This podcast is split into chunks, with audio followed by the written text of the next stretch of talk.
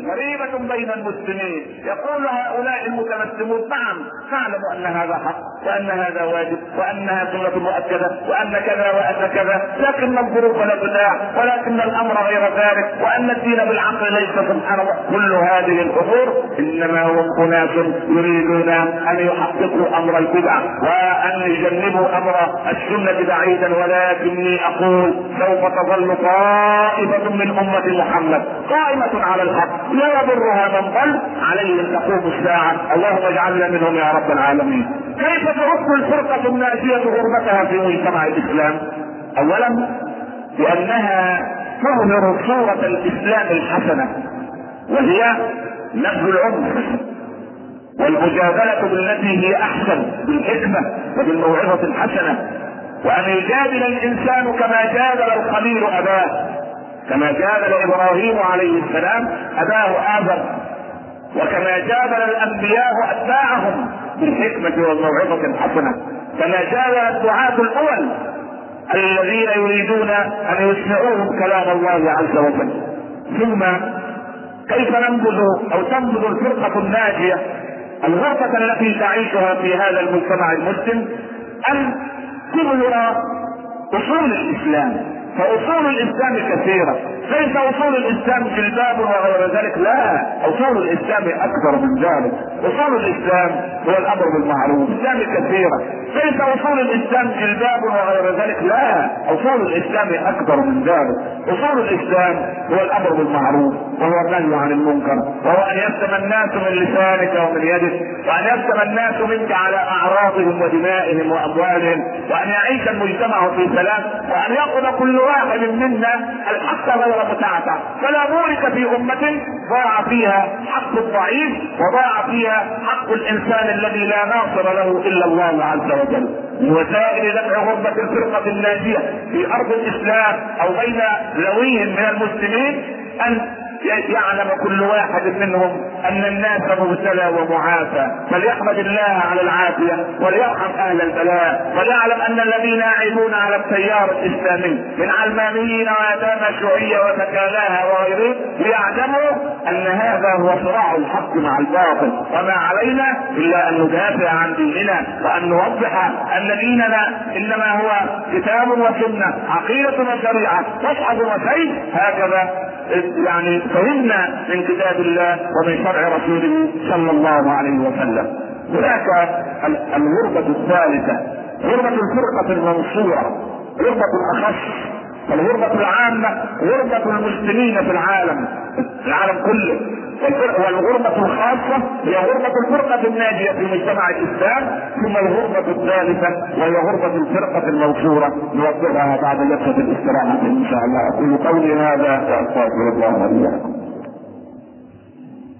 أحمد الله رب العالمين. وأصلي وأسلم على سيدنا رسول الله صلى الله عليه وسلم. وبعد الفرقة المنصورة وجود النصر الذي وعد به النبي صلى الله عليه وسلم ووصفه قائلا عمل الواحد منهم كخمسين منكم. قالوا بل منهم يا رسول الله. قال بل منكم. إنكم تجدون على الخير اعوانا وهم لا يجدون. كان أبو بكر يجد عمر معوانا عليه معوانا له على الحق. وكان عمر يجد عثمان معوانا له على الحق وعثمان يجد عليا وعلي يجد سعدا وسعد يجد عمارا وعمار يجد بلالا وبلال يجد ابن مسعود كل يعين أخاه على الحق. أما نحن في زمن كل واحد يريد أن يعين الآخر على الباطل يريد أن يوقفه عن الحق يريد أن يكتب شهادة الحق يريد أن يقول الزور.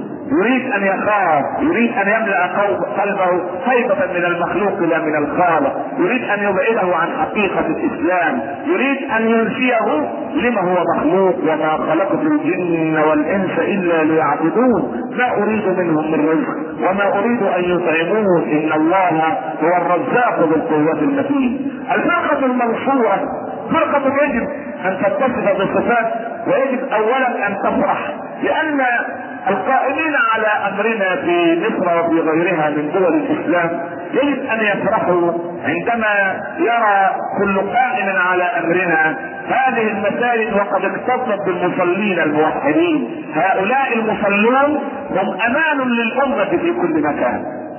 اسمع إلى الحديث القدسي الذي يقول فيه رب العباد سبحانه فيما بلغه عن النبي صلى الله عليه وسلم اكاد اظن عذابا بأهل الأرض. وأنظر إلى المتزاورين فيه وإلى المتحابين فيه وإلى المتجالسين فيه وإلى عمار بيتي فأرفع عذابي عن أهل الأرض. قال عليه الصلاة والسلام أنا امانه لأصحابي. فإذا ذهبت واصحابي أمنة لمن بعدي. فإذا ذهبوا صار كل مؤمن صادق الإيمان امنه لمن حوله. وكل مؤمن يعني بفضل الله يستجلب رحمة الله عز وجل على المكان الذي يعيش فيه.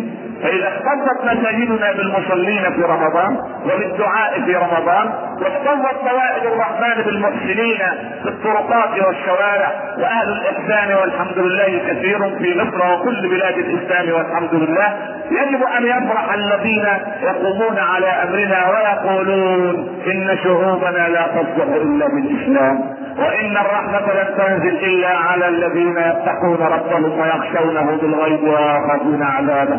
ويجب أن يقولوا إن نصر المسلمين واستتباب الحكم في بلاد الإسلام كلها لا يكون إلا بهؤلاء أو بهذه الفرقة التي استقامت على طريق الله. لا أقول فرقا فإن الفرق في النار يوم القيامة إنما الفرقة المنصورة الناجية هي فرقة استقامت على طريق الله. ونصرت دين الله عز وجل. وباعت نفسها ومالها وكل شيء لرب العالمين سبحانه. محققين قول الله عز وجل إن الله اشترى من المؤمنين أنفسهم وأموالهم بأن لهم الجنة يقاتلون في سبيل الله فيغلبون ويغلبون. وعدا عليه حقا في التوراة والإنجيل والقرآن. ومن أوفى بعهده من الله فاستبشروا ببيعكم الذي بايعتم به وذلك هو الفوز.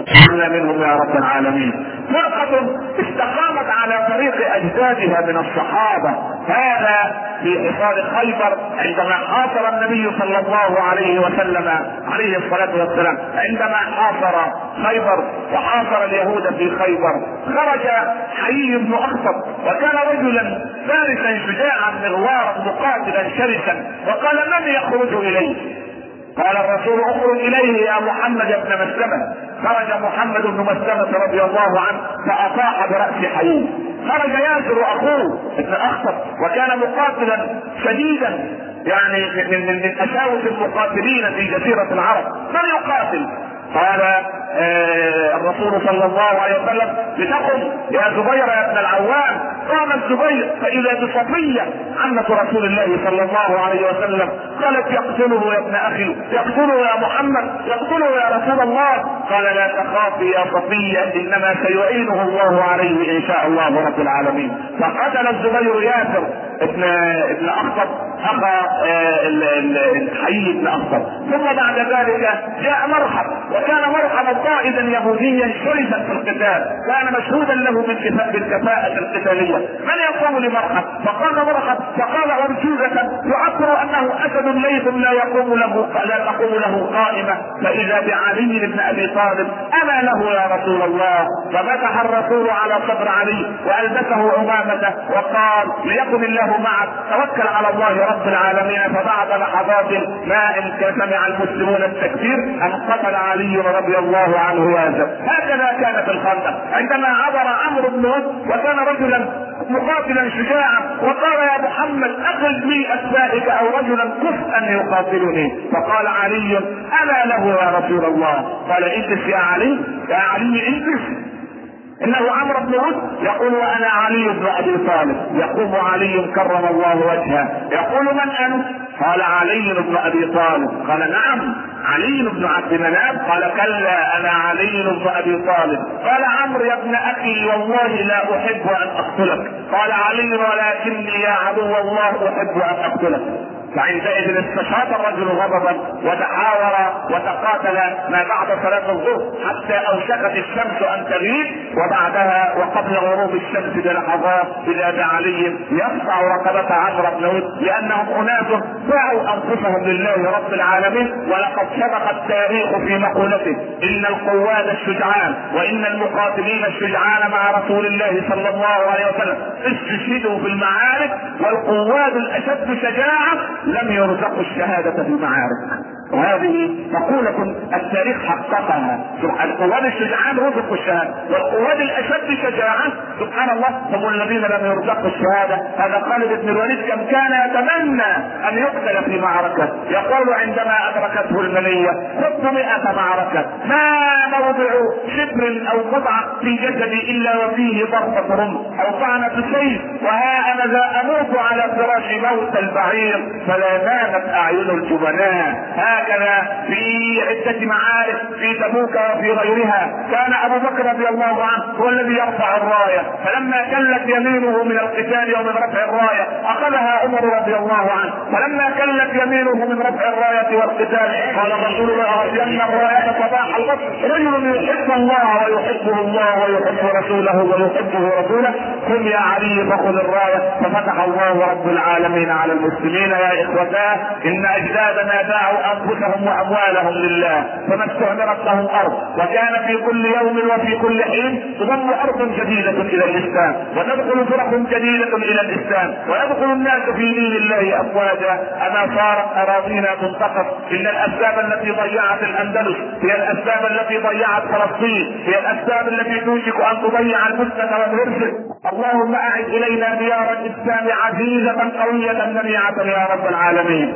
إن الفرقة المنصورة فرقة يجب ان تتوكل على رب العباد سبحانه. لا يضرها من ضل والله عز وجل ناصرها. هكذا ندفع غربتنا التي نحياها غربة عامة وندفع غربة خاصة وندفع غربة أخص لنتبوأ مكاننا تحت الشمس مرة أخرى ولنأخذ زمام المبادرة أن نكون قوادا لهذه البشرية الضالة إلى رب العباد سبحانه وتعالى. ليبلغن هذا الأمر. ما بلغ الليل والنهار هكذا قال الصادق المعصوم صلى الله عليه وسلم بعز عزيز أو بذل جميل أيها الإخوة المسلمون قد اكون جافا في خطبتي. ولكن الخطبة إن لم توقظ همم المسلمين وقلوبهم فلا خير فيها. وأحسب أنني أقولها صادقا من قلبي إن شاء الله رب العالمين. لا أريد بها جزاء ولا شكورا إلا من رب العباد سبحانه. أقولها لأوقظ نياما وأوقظ الوثنانين الذين يظنون أن النصر يأتي بدون مجهود وأن النصر يأتي ونحن نائمون على ظهورنا. وكما قال عمر بن الخطاب لا لا ينامن أحدكم على ظهره. ويقول الله اللهم ارزقني وهو يعلم أن السماء لا تمطر ذهبا ولا فضة. إن الدعوات وحدها لا تكفي. إن الدعاء وحده لا يكفي. ولكن الاستقامة على طريق الله وتحقيق أمر الله من الحاكم والمحكوم في بلاد الإسلام ينزل الله علينا رحمته. ولو أن أهل القرى آمنوا واتقوا لفتحنا عليهم بركات من السماء والأرض ولكن كذبوا وأخذناهم بما كانوا يكسبون. أيها الإخوة المسلمون يكن رمضان لنا معلما يتوقف العبد فيه ليحاسب نفسه ويسأل نفسه ماذا قدم كل واحد منا لدينه؟ ماذا قدم للإسلام؟ ماذا قدم لدين محمد صلى الله عليه وسلم؟ ماذا قدم لنصر شريعة الله عز وجل؟ كل في مكانه. عسى رب العباد أن يجلي الغمة وأن ينصر الأمة وأن يوضح لنا معالم الطريق وأن يهدينا سواء السبيل. اللهم اغفر لنا ذنوبنا وإسرافنا في أمرنا وثبت يا رب أقدامنا وانصرنا على القوم الكافرين. اللهم ادفع غربتنا اللهم ادفع غربتنا اللهم ادفع غربتنا اللهم امن روعتنا اللهم أطعمنا من جوع واكفنا من عري امنا من خوف. اللهم انصرنا بعد هزيمة واتركنا لما تحب وترضى. اقسم لنا من خشيتك ما تحول به بيننا وبين معاصيك ومن طاعتك ما تبلغنا به الجنة. ومن اليقين ما تهون به علينا مصائب الدنيا. متعنا بأسماعنا وأبصارنا وقوتنا ما أحييتنا. واجعله الوارث منا. اجعل ثارنا على من ظلمنا. لا تجعل مصيبتنا في ديننا. وانصر الاسلام واعز المسلمين. وانصر اخواننا في الفتنة والهرشه اللهم انصرهم نصرا عزيزا مؤزرا اللهم انصر اعراض نسائنا في الفتنة يا رب العالمين. عليك بالشرب واعوانهم زلزل الأرض من تحت أقدامهم. اللهم اهزمهم يا رب العالمين. اللهم احصهم عددا. واقتلهم بددا لا تبق منهم أحدا. اللهم لا تجعل للكافرين على المؤمنين سبيلا. اللهم من أراد بالمسلمين سوءا فارد اللهم سوءه إليه. اللهم انصرنا وانصر بنا يا رب العالمين. ردنا إلى الإسلام ردا حسنا جميلا. اجعل خير أعمالنا خواتيمها وخير أيامنا يوم أن نلقاك. وصلى الله على سيدنا محمد وعلى آله وصحبه وسلم. يا رب تسليما كثيرا. بسم الله الرحمن الرحيم والعصر. إن الإنسان لفي خسر. الا الذين آمنوا وعملوا الصالحات وتواصوا بالحق وتواصوا بالصبر. صدق الله ما قد من الله قيلا نكمل حديثنا بعد الصلاة إن شاء الله عن بعض من أحكام الصيام ورمضان. وخصوص زكاة الفطر. قال البعض إن زكاة الفطر عن الشخص في مصر جنيهان هذا مبلغ بسيط حقيقة. بحسبة بسيطة أنت تخرج ما يساوي 2 كيلو تمر أو 2 كيلو زبيب لنقل إن الفقير سوف يخرج تمرا. والتمر ما بين متوسط ما بين ثلاثة أو أربعة جنيهات.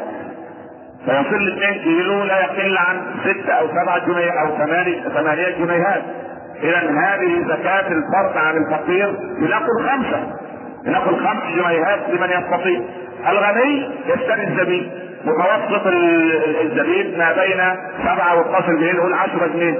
2 كيلو زبيب ده 20 جنيه. يبقى الغني يخرج عن نفسه 20 جنيه. والفقير يخرج 5 جنيهات عن الفرد. اضرب بقى أفراد الأسرة خمسة سبعة أقل أكثر. هكذا يتضح المسألة. أما الذين يحجرون على الناس الراي ويقولون لابد من إخراجها حبوبا كما قال الحنابلة رضي الله عنهم هذا يعني تضييق للواسع يعني رجل يعيش في منطقة السقيا أو المهندسين أو العجوزة أو البابه أو بلاد البترول أعطيته مثلا كيلة ذره سبحان الله من يطعمها؟ يعني يسلقها دليله ولا يعمل لها إيه سبحان الله؟ ماذا يصنع بها؟ أعطيه ماذا؟ الله جعل في الأمر سعه وأجاز الأحناف هذا وأجاز الشافعية هذا وأجاز الجمهور هذا أن تعطي ماذا لا داعي لأن تضيقوا على الناس ولا تشددوا على الناس حتى لا يشدد رب العباد علينا كما صنع مع اليهود. نسأل الله السلامة. الجمعه الماضيه أخطأت في القول وأنا أقول الحمد لله الذي خلق السماوات والأرض وجعل الظلمات والنور ثم الذين كفروا بربهم يعدلون. والحمد لله الذي أنزل على عبده الكتاب ولم يجعل له عوجا. قل كما خلق الله السماوات والأرض أنزل القرآن. فأخطأ لساني وقال فخلق القرآن. لا أنا لم اكن أقصد خلق القرآن لأن القرآن غير مخلوق لأنه كلام الله القديم الأزلي. آه يعني رحم الله امرا اهدى إلينا عيوبنا وجزاكم الله خيرا. ونواصل في رمضان كما قلنا وما زلنا نواصل من الجمعة الماضية.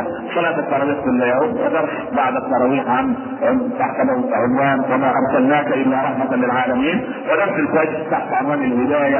اللهم اهدنا جميعا يا رب العالمين. عمروا بيوت الله واخذوا قلوبكم بالله وتوكلوا على الله. وثقوا بنصر الله عز وجل لأمة الموحدين أمة محمد. وثقوا أن الغد للإسلام إن شاء الله. قوموا إلى صلاتكم يرحمكم الله. وأقم السلام